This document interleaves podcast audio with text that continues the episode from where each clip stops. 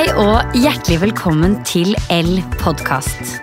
Dagens gjest trenger jo egentlig ingen introduksjon, men det er fantastisk hyggelig å ønske deg hjertelig velkommen, Morten Heggeseth. Tusen hjertelig takk. Det er veldig hyggelig å være her. Veldig koselig. Du eh, skrev jo en helt fantastisk tekst til vår eh, juniutgave. Ja, Sigaretter, selvmord og selfies. Eh, Den kom i kontekst av at vi ønsket å kommunisere dette temaet rundt eh, hat og trakassering, men også kjærlighet i sosiale medier. Eh, noe du har fått oppleve selv, det kommer vi tilbake til. Men i forbindelse med dette så fikk også vi et lite utdrag av den boken som nå nettopp har kommet ut, Mr. Hell. Gratulerer så mye med det. takk. Veldig hyggelig. Jeg tror faktisk ikke, altså, det, ble ikke altså, det var mer sånn inspirert ut fra teksten. Jeg vet ikke om det er så mye ordrett fra boka, men det var jo et eget kapittel ja, om, eh, som handla mye om sosiale medier og hva det negative trøkket der kan føre med seg. Og blant annet om eh, Caroline eh, Flack. Caroline Flack. Eh, programleder av vår felles store guilty pleasure, tror jeg, Love Island. Absolutt. Altså, det er ikke guilty pleasure for meg engang, for nå skal jeg lede sesong nummer to på TV2 på Granca, så det blir jo nydelig. Og hun var jo sånn ledestjerne, og jeg var besatt av sånn ekte besatt av henne. Eh, og så endte det jo opp med et selvmord eh, som var så tragisk og grusomt som jeg måtte skrive om, som blant annet var et resultat av mye negativt trøkk på sosiale medier. Hva var det med Caroline Flack som fascinerte deg? Jeg vet ikke, jeg pleier å få, greit, Vennene mine blir litt sånn lei av meg, for jeg pleier å få sånn obsessions på folk. Uh, sånn at jeg, jeg klarer ikke, jeg bare blir helt låst. og Det kan være sånn Caroline Flack, og så kan det bli uh, det kan være sånn Angelina Jolie, det kan være Sarah Jessica Parker, det kan være Winona Ryder, det kan være Britney Murphy. altså kan, og Da blir jeg helt sånn, jeg må vite absolutt alt om dem. Så var det noe med Caroline Flack som var For jeg hadde Når TV 2 spurte meg om å lede Love så hadde jeg ikke sett Love Island, eh, så da måtte jeg begynne å gjøre litt research. Så så jeg jo de sesongene hvor hun var eh, programleder. Så var det noe med henne som er sånn du vet sånn noen du bare trekkes mot. Eh, som er sånn Vi to, vi hadde blitt venninner. Eh, og så likte Hun var så sassy og frekk, og så er det noe med Jeg skriver det i boka sånn, jeg er ikke fetisjist, men hvis glamorøse kvinner med sammenbrudd hadde vært en fetisj, så er nok det Da er jeg nok fetisjist eh, likevel. fordi at det er noe med den der de kvinnene som på en måte er litt Som ikke gjør som mora di sier, på en måte. Som ikke som er, føder barn og som ikke gifter seg, og som bare på en måte lever livet på sine egne premisser, som eh, er veldig forlokkende. Eh, jeg tror det er en sånn homogreie, kanskje. Og hun var jo i aller ypperste grad det, ja. Og så er det noe med dette, ikke sant, det å være så karismatisk og så samtidig ha så mye mørke inni seg, Ja. da. Og det er jo litt sånn, det er jo sånn klassisk, for det er sånn, og det tror jeg er litt sånn farlig med og jeg, jeg skal ikke si at jeg er noe unntak, liksom, for man bruker jo liksom kjendisverden som et slags hva skal jeg si for noe eventyr eller en eskapisme for å drømme seg bort fra sitt eget litt sånn småtriste hverdagsliv. Så tror jeg veldig mange glemmer at kjente mennesker er, også er lagd av kjøtt og blod. Litt sånn som når du møter læreren din på barneskolen på kjøpesenteret. Hæ? Går du på Rema 1000, sitter ikke du fast bak et kateter? Er du et menneske, du òg?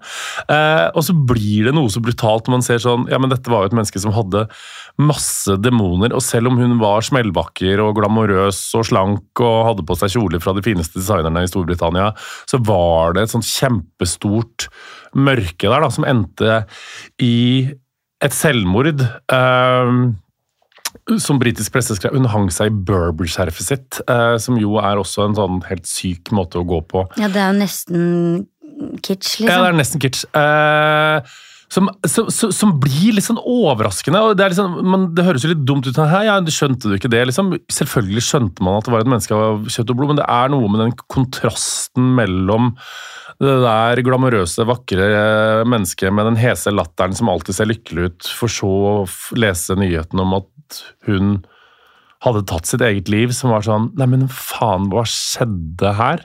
Eh, og det var jo blant annet på grunn av eh, Hun hadde skrevet en tekst som hun ikke fikk publisere av managementet sitt rett i forkant av døden, som handla litt om det hatet og trykket hun hadde opplevd i karrieren sin i alle de år. Eh, og hun hadde vært sånn Ja, ja, men dette står jeg i, dette er en del av jobben. Børste det under teppet, børste det under teppet. Vi går rett fram, samme hva vi støter på. Eh, og så sa hun som at den kve og hun ble arrestert. Jeg skulle dra og møte henne i London, for hun skulle liksom lære meg å være Love Island-programleder. Jeg hadde så stylingkrise og skulle kle på meg. og Jeg husker jeg endte med en sånn svarte Bottega-buss og svarte jeans og skinnjakke, for jeg skulle ikke liksom pynte pynte. Jeg skjønner. Ja, du et stylingkrise? Ja, ja. Først så går det sånn, skal jeg ha oransje boa? Og så ble det sånn, nei, det skal du ikke! Dress down! Uh, og jeg var så spent, men den kvelden ble hun arrestert med Louis Burton, som da hun var sammen med, og det var jo Politiet beskrev det som å komme inn i en sånn dårlig skrekkfilm.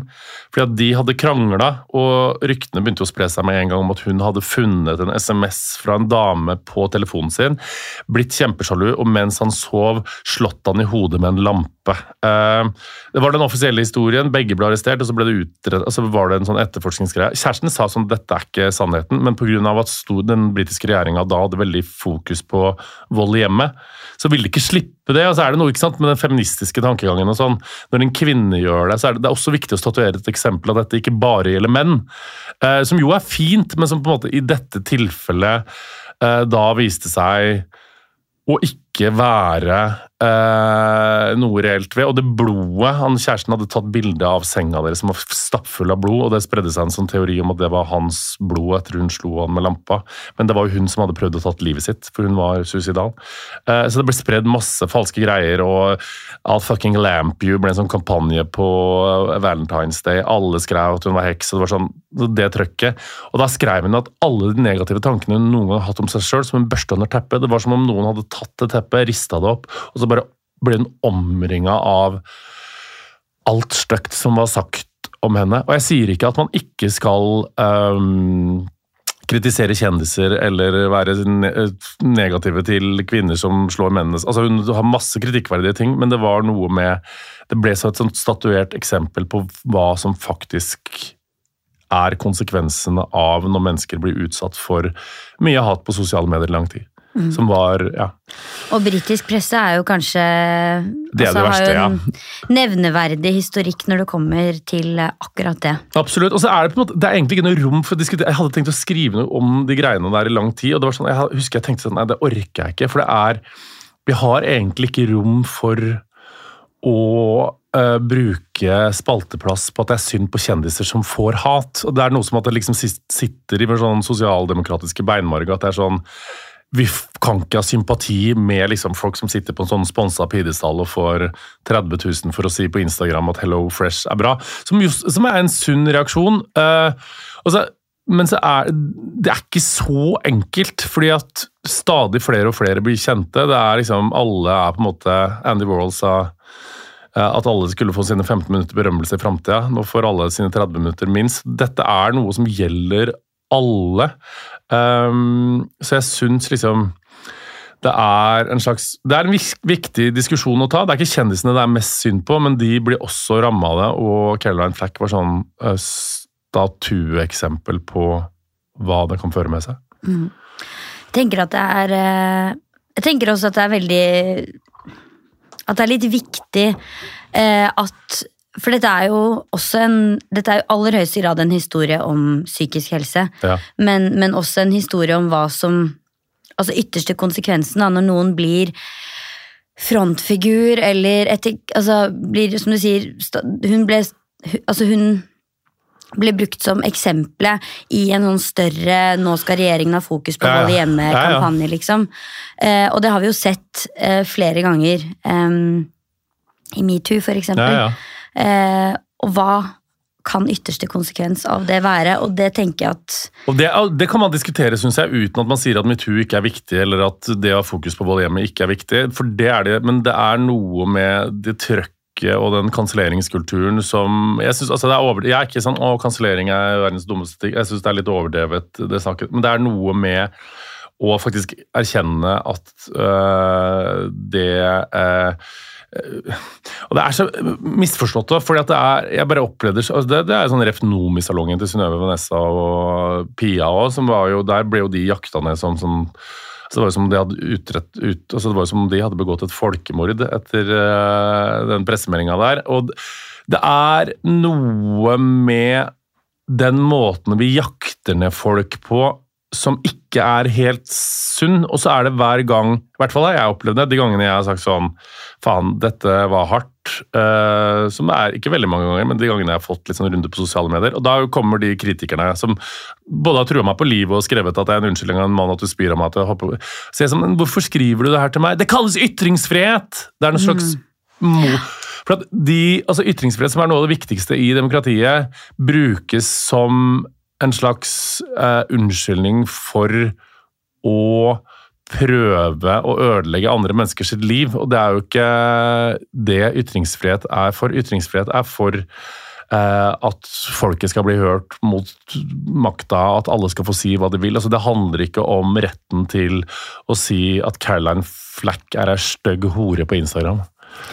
Nei, og det, og det er veldig sant, fordi ytringsfriheten har liksom også blitt eh, rebeller i kjellerleiligheters eh, eh, favorittshow. det, det, det, ja, det er jo det de sitter og sier. ikke sant? De føler seg som en slags De drar politikk inn i hatet sitt. fordi at det er sånn Ytringsfrihet er viktig, og det er Jeg får lov til dette. Dette er viktig. Men det er ikke viktig å si at folk er stygge eller svarte eller uh, homser eller jævlige eller må dø. Det er, måte, det er ikke derfor ytringsfrihet uh, ble et viktig demokratisk prinsipp. Ytringsfrihet ble et viktig demokratisk prinsipp fordi at uh, folket skal bli hørt i store politiske sammenhenger, annet. Eh, ikke pga. at man skal rakke ned på kjente mennesker. Og jeg syns det er gøy å snakke stygt om kjente mennesker altså, med vennene mine. Og jeg har en podkast der jeg tuller med mye ting og sånn. Men det, det er en balansegang, og det er kanskje vanskelig å skjønne òg. Og når jeg sitter i en podkast som heter Harm exit, og vi tuller ofte med kjendiskultur og hatt det kjempegøy og tulla med Kristin Gjelsvik og det glow up-kurset hennes, og hatt også mye gøy med liksom Mote-Norge og ledd meg i hjel av kjoler og snakker om det, men det er likevel en sånn Det er noe annet enn å systematisk gå etter et menneske for å prøve å få det til å kave i grøfta, tenker jeg da. Og dette her eh, er jo veldig mye av det vi kan lese om i boken din. Mm. Men jeg føler at den boken er på en måte en sjakk sånn Du, du er jo helt åpen om det helt i starten. At det er en det er jo liksom deg som prøver å skrive for å forstå. Ja. Eh, Det er en slags eh, granskning av egen sjel, eh, så vel som en kjærlighetserklæring til popkultur, vil jeg egentlig nesten tørre å påstå. Absolutt. Um, og vi er jo liksom vi, vi, Det er jo også en slags livshistorie så, så, så langt um, i livet ditt.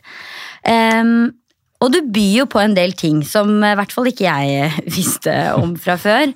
Eh, vi får lese om altså et kapittel blant annet heter 'Fettsugd for Love Island'. Jeg må ærlig innrømme at Det, altså, det, er ikke bare du, det, er, det visste ikke bestevenninna mi, det visste Nei. ikke Anne. Altså, det, jeg har ikke sagt til noen. Nei. Nei. Men så satt jeg og skrev et kapittel om Det går vel egentlig på kroppspress eh, og eget syn på Og så tvang det seg fram som en slags humoristisk punch. Og det er ikke humor å fettsuge seg, det er ikke det jeg sier, for det er det dummeste jeg har gjort noen gang. Men det var eh, Og det er sånn, jeg, jeg gjorde det, fortrengte det. Og når jeg sier fettsuging, så er det sånn folk tenker sånn Å ja, du setter tre slanger og suger masse Jeg var ikke tjukk i det hele tatt. Altså, det var sånn jeg måtte liksom Ja, du må fortelle litt om bakgrunnen. Fettsugd for Love Ja, Island. fordi det som er for meg, eh, er at TV er den beste måten å holde meg i form på. Jeg er veldig, når det skal vi danse nå, jeg er veldig opptatt av hudrutiner. Jeg tar peeling, jeg har tatt peeling i dag, jeg tar peeling og 100 kremer på lørdager. Jeg passer på hva jeg spiser, for jeg, liksom, jeg syns det er hyggelig å se bra ut når jeg er på TV. Ehm, så det er det for meg. Det er liksom den beste glow up-kurset jeg kan få. Som ikke er viktig, overfladisk absolutt, men det syns jeg er gøy. Så gikk jeg til en PT rett før jeg skulle lede første sesongen av Love Island, og da var jeg veldig sånn Nå må jeg være trent, fordi her skal jeg stå med liksom muskelgutter. Jeg orker ikke å stå og føle meg liksom ehm, sånn, sånn slapp jævel ved siden av. Og jeg drev og trente, og så fikk jeg en PT som noen anbefalte meg på 3T. Um, og han var fantastisk på alle måter, men i likhet med meg så var han ganske ekstrem. så han var veldig sånn Hver fredag når vi skulle trene, så sto han med sånn kroppsklype, en sånn svær klype, og mål, målte fettprosenten på hele kroppen min. Det var sånn Armer, bryst, mage, bein. Og Jeg trente og trente og trente, og jeg spiste cottage cheese på cottage cheese, på cottage cheese, men han var sånn men det er den lille buren under navlen, på en måte. Og det var ikke mye, altså. Han bare 'Det går ikke bort, det er veldig dumt'. Og han var veldig sånn 'Nei, dette Og jeg var radmager. Jeg var så tynn. Og jeg jogga og spiste skinke uten brødskive og cottage cheese. Og jeg var sånn, ah, fy faen, skal aldri spise cottage cheese mer i mitt liv igjen. Men han bare, nei, det går ikke vekk. Og til slutt så var jeg som Morten. Og jeg setter det i kontekst med at jeg vokste opp, var veldig rød ungdom, gikk med palestinaskjerf, var veldig imot liksom, slanking og kroppshysteri, noe jeg egentlig er fremdeles. Og så befant jeg meg i en situasjon der kriger ble starta, miljøkatastrofer skjedde, familier hadde reelle problemer, men det eneste jeg klarte å fokusere på, var den lille buren under magen. Jeg, sånn, jeg klarte ikke å ikke fokusere på det. Og så var jeg sånn Åh, dette blir for dumt, Morten. Du har bedre verdier enn det her. Og da var jeg sånn Ja, da orker jeg ikke tenke på det. Jeg ringte den Fornebu-klinikken. Eh, fikk en konsentrasjon, og så spurte jeg kan gjøre det. Jeg bare, ja, ok, greit. Jeg orker ikke å tenke på det her mer. Og det var, altså, Jeg vet ikke hvor mye fett som ble tatt ut, jeg tror ikke det var veldig mye, og jeg har ikke noe effekt av det i dag. Men um, så langt strakk jeg meg ja, for å på en måte føle at uh, jeg hadde, føler meg sjøl bra. Og jeg er motsatt på andre mennesker, og dette høres Men jeg er sånn Det er som mamma sier, sånn Jo nærmere døden du er, jo penere er du. Eh, og det syns jeg egentlig Jeg syns rufsete menn er det beste. Jeg syns menn som har Botox og slanker seg, er det mest usexy som fins. Og kvinner syns jeg helst skal være litt formfulle. og jeg er ikke sånn, Men på meg sjøl har jeg vært, blitt ganske streng, og det er nok fordi at jeg liksom slanka meg ganske kraftig når jeg var 17. Uh, jeg var ganske stor, og da etter det så har jeg alltid vært litt sånn redd for å bli stor igjen. Og da ble jeg nok det Det er jo en slags besettelse. Uh, det var ikke en, jeg vil ikke kalle det en spiseforstyrrelse, men um, ja. Så gjorde Ja, jeg du det. skriver jo også om det i boken. Ehm, da du er der første gang du er på Homseutested. homseutested hjemme i Trondheim, eller Stjørdal. Eh, Nei, nei ikke, det er ikke homseutested på Stjørdal. det er Nei, Trondheim, ok, ja. dette var i Trondheim. ok. Ja, absolutt. Eh, ok, jeg tenker at den kampanjen der, homseutested på Stjørdal, den starter vi. Det starter vi, absolutt. Um, De hadde pride for første gang i år. Eh, vi får jobbe hardt. Det er Ja, bra, det. ja. Um, og så, du, så dette, altså det var jo liksom en milepæl i ditt liv. Du, Ja, jeg stakk av fordi jeg og vennene mine vi var sånn rockete. Vi var medlemmer av ungdom og sydde slengbukser og hørte på Patti Smith og The Doors og Nirvana. Så vi hang på et sted som het for Blast. Eh, og det var sånn Fuck alle! Uh, fuck staten! Uh, Væpna revolusjon. Da hadde Jeg sånn, jeg visste jo at jeg var homo, men jeg hadde ikke helt artikulert det ennå. Men da hadde jeg planlagt for vi var ute i Trondheim på, da hadde jeg planlagt for nå skulle jeg på homseutested for å sjekke ut hvordan det var. Så da planla jeg en slags fluktrute. Så jeg sa til vennene mine at jeg skulle ut og ta en sigg, men da sprang jeg til Midtbyen og så dro jeg på metro. Da, altså, jeg så ikke. Altså, jeg hadde egen stil. Altså, jeg hadde grønn, grå slengbukser, noe grønn nettinggreie med noe oransje cardigan fra Fretex. Så hadde jeg kjøpt meg sånn fingervotter på Nille som hadde klippa opp. Langt hår, eh, skjegg. eh, Spesielt utseende, men syns jeg var så helt rå ut. Eh, kom inn dit, skjønte Oi, her var det ingen som så ut som meg, nei. Jeg ble ikke så anonym, men så satt jeg der og drakk øl og observerte det. Altså det jeg observerte sånn, det var liksom insekter i et slags mikroskop. Eh, kom ut, så var det én fyr jeg hadde lagt merke til som jeg kaller i boka Homseprinsen, som alle var liksom gretsa seg rundt. Og så sto de, alle var rundt han, og det var som han var liksom Justin Bieber på metro. Og så sa jeg sånn Hvor skal dere? Uh, de bare Nachspiel. Og jeg var, sånn, jeg var helt sånn Jeg hadde på en måte ikke så mye selvinnsikt, sikkert. Og så sier jeg sånn Kan jeg få være med? Og så ser han opp og ned på meg og sier sånn mm, Tror ikke det, tjukken. Jeg bare Hæ? Tjukken? Er jeg tjukk? Og Jeg hadde ikke tenkt tanken engang, men dette var da en uke før noen eh, uke etter at noen hadde spurt meg om autograf, for de trodde jeg var Jan Werner Danielsen. Og Jan Werner var jo ganske tjukk, eh, men kjendis, så jeg ble veldig smigra. Eh, og jeg var sånn Hæ, er jeg tjukk? Begynte å ta på meg sjøl. Sånn, å ja, her er det bilring på bilring på bilring. Hæ? Og fikk helt klaustrofobi, dro hjem, våkna dagen etterpå, tok fram badebekkenet til mamma, fant ut at jeg veide var det 180 kilo? 108, ikke 180. Uh, og jeg tenkte sånn, dette høres jo mye ut. Fant da, som jeg aldri hadde hørt om, gikk på datamaskinen til mamma og pappa, en sånn internettmodem som Litt en traktor. Uh, tasta inn høyde, løy alltid på høyde og litt på vekt, og så fikk jeg beskjed som du er liksom kjempeovervektig. Jeg bare, Hæ?! Eh, og dette var jo, Jeg er veldig radikal og veldig imot sånn slanking og skjønnhetstyranni, og sånn, men så var det, jeg ville ikke være tjukk sjøl. Men siden jeg aldri hadde tenkt over at jeg var tjukk, eller mamma hadde aldri hadde snakka om slanking, så var jeg sånn Hvordan skal jeg få kvitte meg med alt dette her, da? Men så hadde jeg broren til en venninne hadde anoreksi, og hun så helt skrapa ut.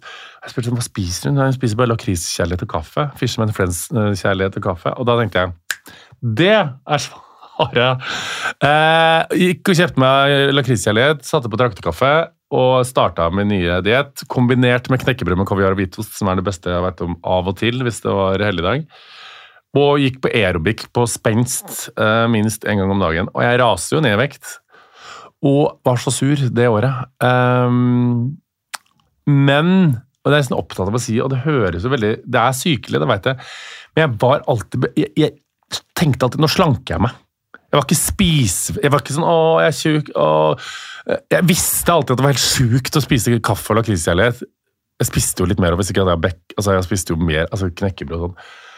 Og så gjorde jeg det et år, og så gikk jeg ned, og så sluttet jeg. Når alle sa sånn Nå kan du ikke bli tynnere. Uh, og, og, jeg hørte at det var sånn med alvor. Da begynte jeg med bacon og bearnés og grovbrød igjen. Og så satte det seg egentlig. Og det er jo veldig dumt å si. Um, uh, men det var dumt, ja. Uh, så da gikk jeg ned i vekt. Men jeg hadde fremdeles langt hår og slengebukser, da. Men bare mye tynnere. men det er jo noe med det å få det altså sånn, Jeg tror det som som jeg bet meg veldig merke i i boken, er jo det, nettopp det med at noen konfronterer deg med Altså, du lever jo i egen kropp. Ja, ja. Hadde ikke tenkt åpen, en tanke på det. Nettopp. Ja. Og de bare Hæ, er jeg tjukk? Og det var jo litt sånn med den fettsuginga. Jeg tenkte heller ikke på magen før han sa det. Men det var veldig mye fett under magen. Hæ, har jeg det? Og sånn er jeg egentlig. Jeg er veldig lite selvbevisst på Jeg tror jeg kunne lagt på meg 20 kilo uten å merke det, hvis buksene ikke sa fra. Um, så jeg er ikke sånn, Men ja, det, det var liksom baling med liksom kropp og Men jeg fikk jo veldig mange fordeler, og det er det som er liksom trist å si, for jeg er veldig opptatt av Og slanking og sånne ting er fremdeles veldig imot, men jeg, jeg bare merka jo andre sitt blikk og andre sin måte å forholde seg til meg på når jeg var slankere, som var helt sånn overraskende Jeg ble tatt på alvor mer. Folk sa jeg var kjekk var, jeg fikk sånn Oi, dette var jo veldig mange fordeler. Men så er det som jeg skriver i den boka, at sånn, hvis du pusser opp gangen, på en måte, så ser du fort at trappa ikke er fin, og så tenker du at de flisene på kjøkkenet passer ikke inn med den nye trappa. Så, man begynner å ba, så blir det bare mer og mer. Um, så det endte jo en litt sånn dum spiral, da. Mm. Som blant annet eh, leder til eh, Eger Skin Clinic. Yes. Eh, og du har jo nevnt det litt allerede. Men... Dette er satt i kontekst i boka rundt så det høres ikke, Jeg promoterer ikke Botox Nei, og fettsuging. På ingen altså. måte. På ingen måte. Um, men det er et kapittel som heter Botox-bombe over Oslo. Eh, og jeg tror at veldig mange, nesten uten at eh, Nå har vi jo vært litt inne på det, men uten at jeg forteller, nesten skjønner hva det handler om. Absolutt. Det er jo Nomi-salongen, ja. Nomi-gate. Nomi-gate. Og der, Første gang jeg tok Botox Jeg var veldig sånn Jeg fikk ga, Kunne vært en elfest, da. Gavekort på Greenpeel. Jeg lurer på om det var det. Eh, Rotker eller noe sånt. Det var det som kunne dra på Egers Klinikk og få det. Spurte jeg en kompis jeg er veldig imot skjønnhetstyranni. Er dette lov? Han bare ja, dette er, det er bare grønne alger. Googla og så liksom folk med dreads og øh, blomsterkjoler som tok det. Så tenkte jeg ok, dette er innafor. Dro dit, tok det. Nydelig sykepleieren. Sånn, å, det hadde vært fint med en sprøyte Botox der, da. Bare... Og, og, hva tenker du da? Jeg var veldig imot det. ikke sant? Så det ja. var jo sånn Hæ?! Selvfølgelig! En kosmetisk felle! Men så er jeg null ryggrad, så jeg sier sånn Hvor lang tid tar det? jeg er jo nysgjerrig av natur. Ja. Nei, det tar ett minutt. Jeg bare, Hvor mye koster det? Nei, det kan du få. Uh, og jeg bare To minutter etterpå, og jeg spretta satt. Tenkte ikke så mye mer over det før alle sånn Herregud, så godt du ser ut! Herregud, du er forelska! Og gud, du er din prime! Og det rynkefrie ansiktet mitt fikk veldig sånn Og da var jeg sånn Hm, dette var jo artig. Så gikk jeg til henne, og så slutta hun fordi hun skulle starte en ny jobb. Og, og dere, jeg må bare poengtere det, Du skriver veldig morsomt om dere etablerer jo nærmest Altså, det er jo et hun, hun altså, er, du, Jeg blir venninne, ja. ja, ja, ja det og jeg går jo rundt og hater meg sjøl, for jeg tenker de vennene mine fra Trondheim, som er ganske kule, og psykologer og psykiatere og doktorer og sånn, øh, vi hadde veldig motsatte verdier, og jeg sånn, hadde dårlig samvittighet for de. Men så var jeg sånn, så begynte jeg å unnskylde meg sjøl. Ja, vi har mista litt kontakten. og herregud, Hvem er de til å kritisere meg? Og de sitter i Trondheim og fingerekler og snakker om Che Guevara. Grow up. på en måte. Jeg begynte å snakke, tenke stygt om de i hodet mitt for å legitimere de idiotiske valgene jeg tok. Um, som på ingen måte hadde hold i virkeligheten. Så jeg og hun jeg begynte å gå til henne som tre, og vin og bursdagsgave. Tok med merch fra Harm og Hegse til henne. Og, så sier hun sånn jeg skal slutte. Jeg bare hæ? Nei, jeg skulle gjøre noe nytt, da. Kunne ikke si hva det var, men det var en sjalong som het noe mer. Og sånt. Det husker jeg ikke. Og så skulle jeg begynne til en annen fyr. Eh, og så skjønner jeg jo ganske fort, for det kommer jo den pressemeldinga en kompis av meg som sier 'sjekk VG', og da er det jo helvete er løs, fordi Pia Vanessa Synnøve har kombinert de kaller Botox og kvinnehelse. Og så hadde Vanessa sagt sånn Noen eldes som Rent the Wreck, jeg velger å elde som en Jaguar E-Type.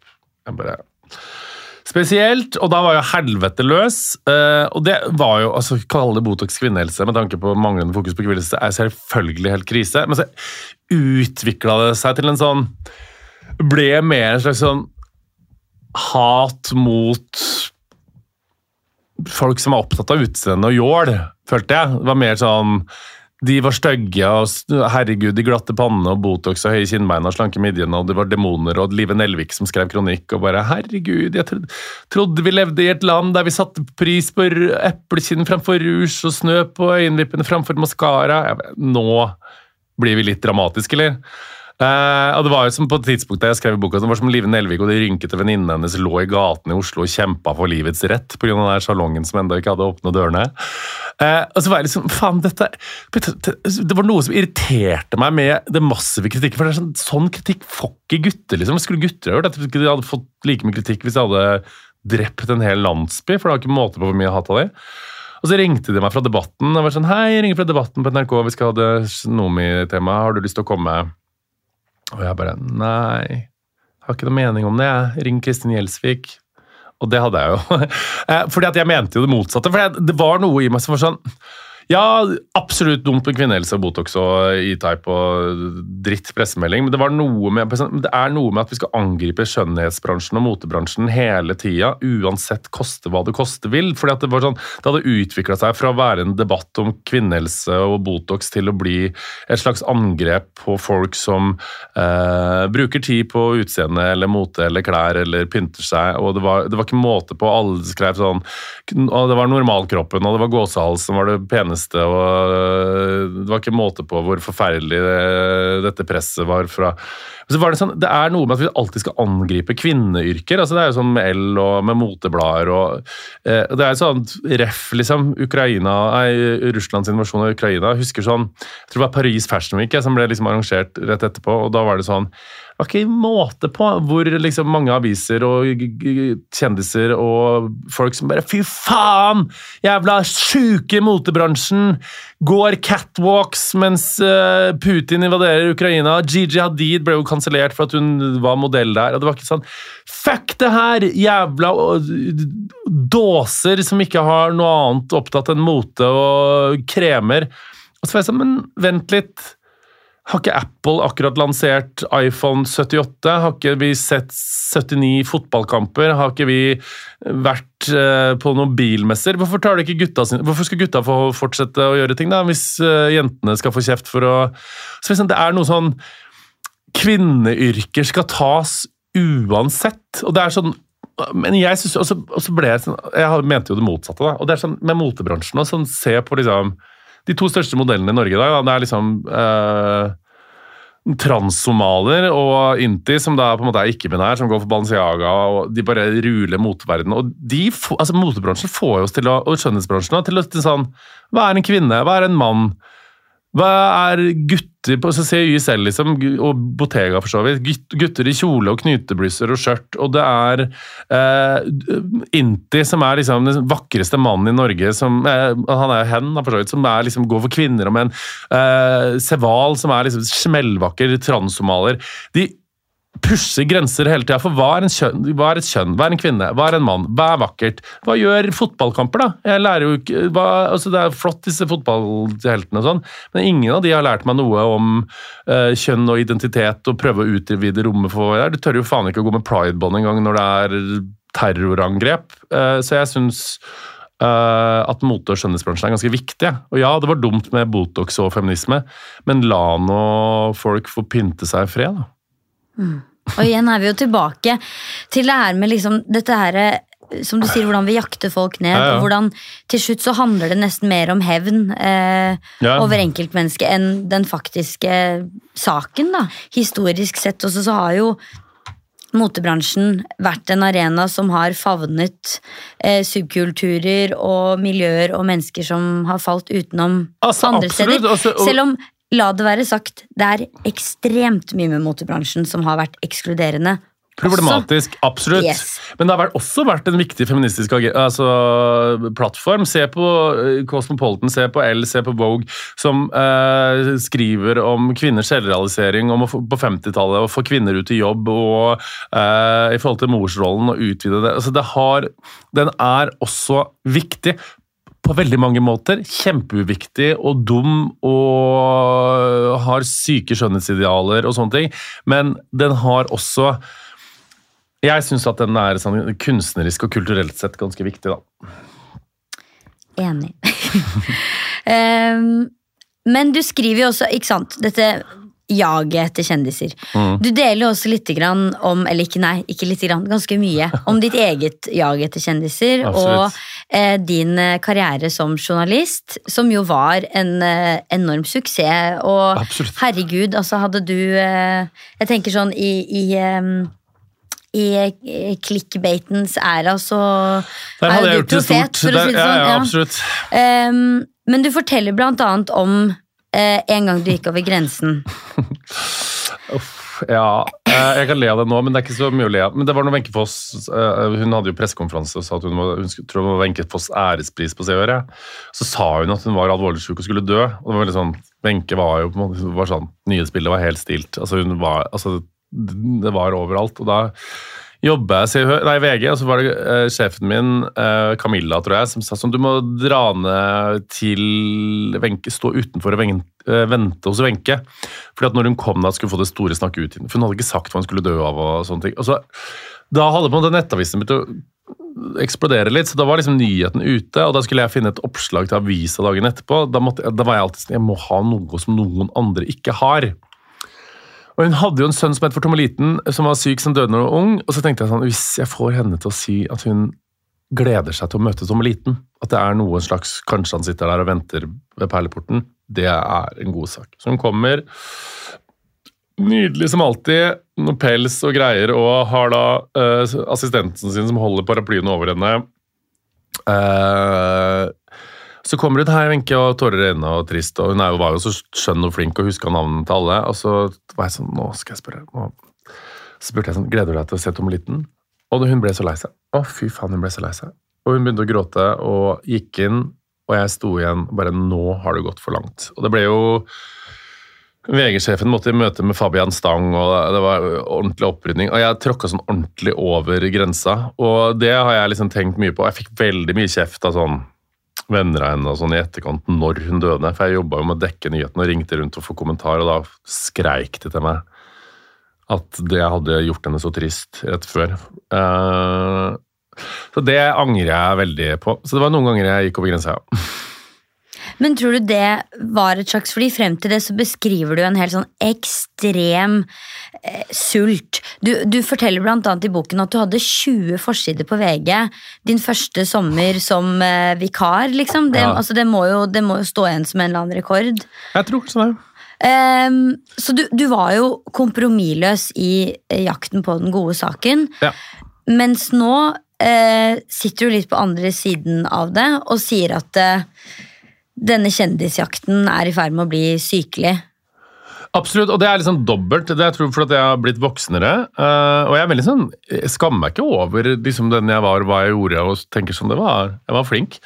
Men det er noe med at jeg har sett, nå ser jeg litt sånn, jeg var veldig sort-hvitt. Jeg skjønte ikke helt liksom, konsekvensen av å stå på den andre sida. jeg har erfart nå, og så liksom, fått erfaring med det sjøl, i tillegg til at jeg bare på en måte er dritlei av det. Og jeg er ikke imot det enda. Jeg sånn, jeg applauderer den nye meg som springer sånn som det der, men nå er det på en måte, jeg er 37, jeg gjorde det fra jeg var 19. eh, Jeg er bare ferdig med det. Det er noen ung, sulten jævel sin arena som ikke er min.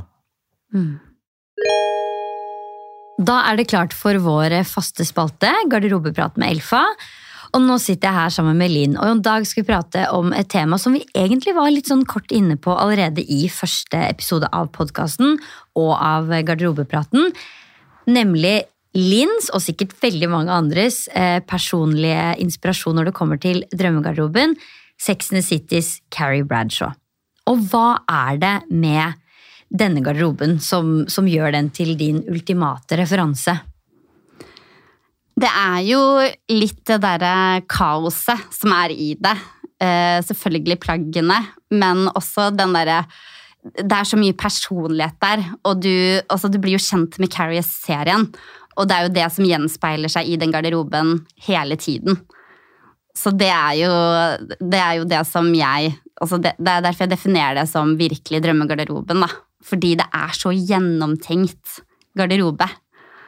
Og ikke minst så er det jo, som du sier, denne garderoben er jo Vi kan jo nesten omtale det som en forlengelse av eh, Carrie, og det er jo stil eh, for eh, veldig mange. Enten du er eh, dypt interessert eller ser på klær som noe totalt praktisk. Hun har jo også veldig mange morsomme sitater eh, opp igjennom i serien og filmene. Eh, om nettopp det her med garderoben. Blant annet så sier hun jo at hun heller vil ha en svær garderobe enn en forlovelsesring. Eh, og hun har jo også denne litt sånn, ja, la oss si omdiskuterte teorien om at det, det, er lurt å investere, eller at hun liker å investere pengene sine der hun kan se dem, nemlig hengende i garderoben. Og hvorvidt det kanskje går som et sånn godt økonomisk råd, det kan jo diskuteres, men det sier i hvert fall alt om hvor mye garderoben betyr for Carrie. Men accessories er jo en veldig essensiell del av hvordan eh, Carrie styler eh, seg selv. Men det kan jo også være noe som kan være en sånn kilde til kaos da, i en garderobe. Masse sånn småtterier. Eh, men der har jo dere løsninger. Absolutt. Og det er det jeg ser nå når jeg har fått litt mer erfaring òg. At det, altså, det er så organisert kaos. Og det er jo det som er når du er så glad i tingene dine, selvfølgelig skal du ta vare på de, og du skal finne løsninger til rosetten, eller altså uansett hva det er. Og det er jo det Elfa også står veldig mye for. Det her med å skreddersy ikke bare etter mål, men også de minste ting som du har i garderoben din. Både for at det skal få den kjærligheten det fortjener, men også fordi at det skal være lett å komme til det og kunne bruke det. Vi må også snakke om eh, der alt startet. Ja. Nemlig kåringen av Mr. Hell. Yes. Det er også eh, bakgrunn for tittelen i boka. Riktig. Kan ikke du fortelle? Jo, tittelen, det er sånn, Jeg visste ikke helt hva boka skulle hete. Jeg Først så vurderte jeg sånn 'Se fuglene ser triste ut i dag, mamma', som er et sånt sitat som jeg tror ble tatt ut. Eh, og så satt jeg hjemme og drakk noen drinker med noen venner, eh, blant Jone og Chris, som jobber i et reklamebyrå. Og så sier Jone, for han hadde en idé, så han, kan ikke boka hete Mr. Hell, da? Med tanke på den kåringa. Ja, for jeg, jeg kan forklare den kåringa. Jeg var fire, det var i 1990. Mona Gruth hadde vunnet Miss Universe, og vi kommer fra Stjørdal. eh, Og der er det på en måte en liten del av Stjørdal som kalles for Hell. eh, Og da er det Hell-senteret, som er et grusomt uh, senter. Er Stygt. Og da skulle de ha Mr. og Mrs. Hell. Og da var det sånn lokal kåring hvor Mona Gruth var for å kåre Mr. og Mrs. Hell. Jeg trodde eh, fram til i år at det var en skjønnhetskonkurranse for barn. Viste seg å være et karneval. Uh, for jeg skjønte ikke sånn. Ja, fordi det må jeg bare si, det, Da jeg leste det, du, du oppklarer jo det i boka, men da du, da du skrev det, skjønnhetskåring for barn, så tenker jeg gud, stemmer det? Ja, for vi er jo faktisk oppstå, oppvokst med eh, Ja, ja. Extreme Makeover Human Ja, ja. Edition, liksom. Og The Swan, som du også skriver om. Ja, det hadde ikke vært overraskende. sånn, ja, shit, ja, kanskje det var skjønnhetskåring Det var ikke skjønnhetskåring, det var karneval. men ja, Jeg trodde, I mitt hode så skulle de kåre det vakreste barnet der. Eh, Så mamma og tantene mine Jeg rekrutterte da egen glam squad, eh, som vi ikke kalte det da, men som var de. De reiv opp bukser og klippet opp og sminka meg. Altså Det var en slags sånn skittent, kul transvestittgutt fra Berlin som var looken de gikk for. Kom inn på hell. Jeg så meg rundt, måtte analysere konkurransemarkedet, liksom. Og da var du fire år. Fire, ja. Eh, Og var veldig klar på, altså, eh, på hva jeg ville bli. Jeg tenkte dette rent bord, jeg er penest. Eh, De sier Mrs. Hell Mona og de hadde kommet fram til en kåring, og Mrs. Hell var Jeg husker ikke hva hun het. eh, kom opp i noe klovnekostyme. Ja, veldig spesielt. Jeg mamma og tante bare Ja, ja. Og så var Mr. Hell var Morten Hegseth. Så kom jeg opp dit, fikk på meg missebånd. Um, Tenkte dette var et plagg jeg ikke visste jeg savna. Fikk applaus, kjente dette er berusende. Eh, og sånn eh, var den tittelen. For det, var, det er jo mye om Det er jo der på en måte kjendisdrømmen starta. Det er mye kjendiskultur i boka, så det er vel sånn representativt for Og så er det også mye helvete i boka. Og så sa Jone, som er jævla kreativ, Jone Fjelstad, som er sånn Han lagde en sånn moodboard av det. Eh, han og Ida Bjørvik tok bildene, og det var en sånn Referansene var Kurt Cobain, CK90s, Courtney Love og altså det, var sånn, altså det var orgasmiske referansebilder. Og så sa han vi kaller henne Mr. Hell. Og så, tok jeg, så fikk vi låne den ekte Miss Universe-krona til Mona. Og missebåndet. Og Ida Bjørvik tok bildene. Og jeg var så fyllesyk at jeg holdt på å dø. Eh, Så det ble veldig sånn artig, den slutten. Det var et lite Carrie-øyeblikk, rett og slett. Carrie-øyeblikk. Single and fabulous. Absolutt. Question mark. Eller exclamation point. Det kan vi diskutere i en annen podkast. i ja. um, ja, og det er jo litt der du lander um, uh, i um, det aller siste kapitlet, hvor du annet forteller om ADHD-diagnosen. Ja, det på utredning, ja. Uh, jeg og Vegard skulle egentlig sammen, men han trakk seg siste liten. Uh, så jeg måtte på sånn For vi har bala mye med egen syke i mange år. Og så eh, var jeg på utredning, og så sier psykiateren sånn For å sette diagnose måtte jeg utrede alle andre, og jeg tenkte nå kommer personlighetsforstyrrelse rekende på ei fjøl. Jeg og Vegard pleier å snakke litt om det showet vi har, for vi er på turné nå. Da har jeg sånn tekst om ikke, det er ikke veldig alvorlig, det er gøy. Men uh, så ser jeg, ja, jeg kan dere gjette hvilken diagnose jeg har. Alltid spennende. Noen som roper 'autist', 'bipolar'. Bare, Nei, ADHD. Eh, ikke at det er gærent å være autist og bipolar, men alltid artig andres tanker. Eh, og så ringte jeg Vegard, ja, og så var han veldig sånn Nå er jeg pårørende. Jeg bare, ja, nei, det er du strengt tatt eh, ikke. Og det var jo sånn, det var litt sånn trist i starten, for det var sånn følte at jeg hadde liksom 35-36 år da jeg hadde tenkt syke tanker uten å visst det, men så landa jeg mer i det etter hvert. Så det var egentlig veldig lite dramatisk, men det var um, Det var um, ja, uh, artig å få noen bokstaver på det. Og amfetamin på resept. Og det du på en måte konkluderer litt med, du åpner boken med å snakke om liksom, ok, hvem er jeg? Jeg må finne ut av hvem jeg er, jeg må skrive for å forstå. Ehm, Og det er jo, det er jo mitt livs måte, dilemma. Mitt livs, jeg er jo veldig opptatt av frihet. Jeg, jo, jeg tror det er for at jeg, siden jeg var liten og visste jeg var homo, så var jeg sånn, jeg følte meg så satt i bås. Så jeg tenkte sånn, jeg skal aldri settes i bås igjen. At jeg bare er den personen. Så livet har vært liksom en slags evig kamp mellom palestinaskjerf og uh, eliksir. Uh, og jeg tenker sånn, Kan man være like opptatt altså Kan man kjenne hjertet brenne av homokamp og glødende hud? Nei, det går ikke. Da er du motsetning. Da er du, da er du falsk. Altså, jeg har alltid følt liksom, at jeg ikke har hørt det noe sted. og Jeg har aldri følt meg voksen. Trodde at liksom, identiteten skulle komme sånn ferdigfrankert og sånn. Sånn er du. Så jeg har alltid slitt med å liksom, falle til ro og finne meg sjøl. Men så er det nok det jeg lander på, er sånn at det å stå i en slags spagat mellom glamour og god morgen også er en måte å være på. At det ene ikke utelukker det andre, og at jeg må eie de to. Og at selv om det betyr at det er noen øh, Det rives litt i meg fra tid til annen, så er det helt fint å både eh, elske Bottega Veneta og frihetskamp på et eller annet vis. Eh, så jeg liksom landa i at de kontrastene kanskje er meg, da, selv om det jo er litt slitsomt. og at noen ganger så må du få lov til å kreere litt helvete. Helvete. Spre litt helvete. Mm. Og Jo mer helvete jeg sprer, jo bedre får jeg det på mange måter. Jeg må begynne å spre litt helvete. Det er lenge siden sist, og da samler det seg opp. Det er da det er farlig. Eh, Så jeg må alltid drysse det litt. Jeg begynte en psykiater som er helt fantastisk. Han og meg og Viggo Kristiansen. Lykke til med det. Eh, Som sa liksom eh, Altså, han La oss kjøre en analyse. Nei da. han bare, Ja. ja, la oss gjøre analyse. Og Jan Fredrik Karlsen, tror jeg. Um, uh, så han sa sånn Men du vant jo Mr. Hell som fireåring, gjorde du ikke det? Jo. Han bare ja, men herregud, ei det, da. Spre litt helvete overalt hvor du er. Du er jo full av faen. Jeg bare ja, men jeg er ikke tøff nok. Jo, hallo. Det er du.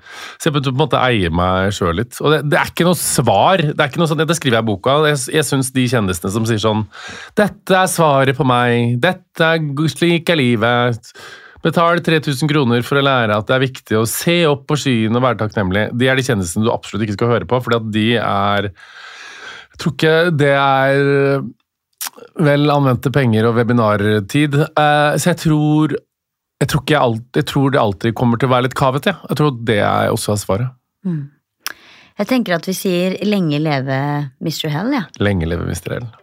Tusen hjertelig, hjertelig takk for at du ville komme i podkasten. Takk, det var veldig stas å være her.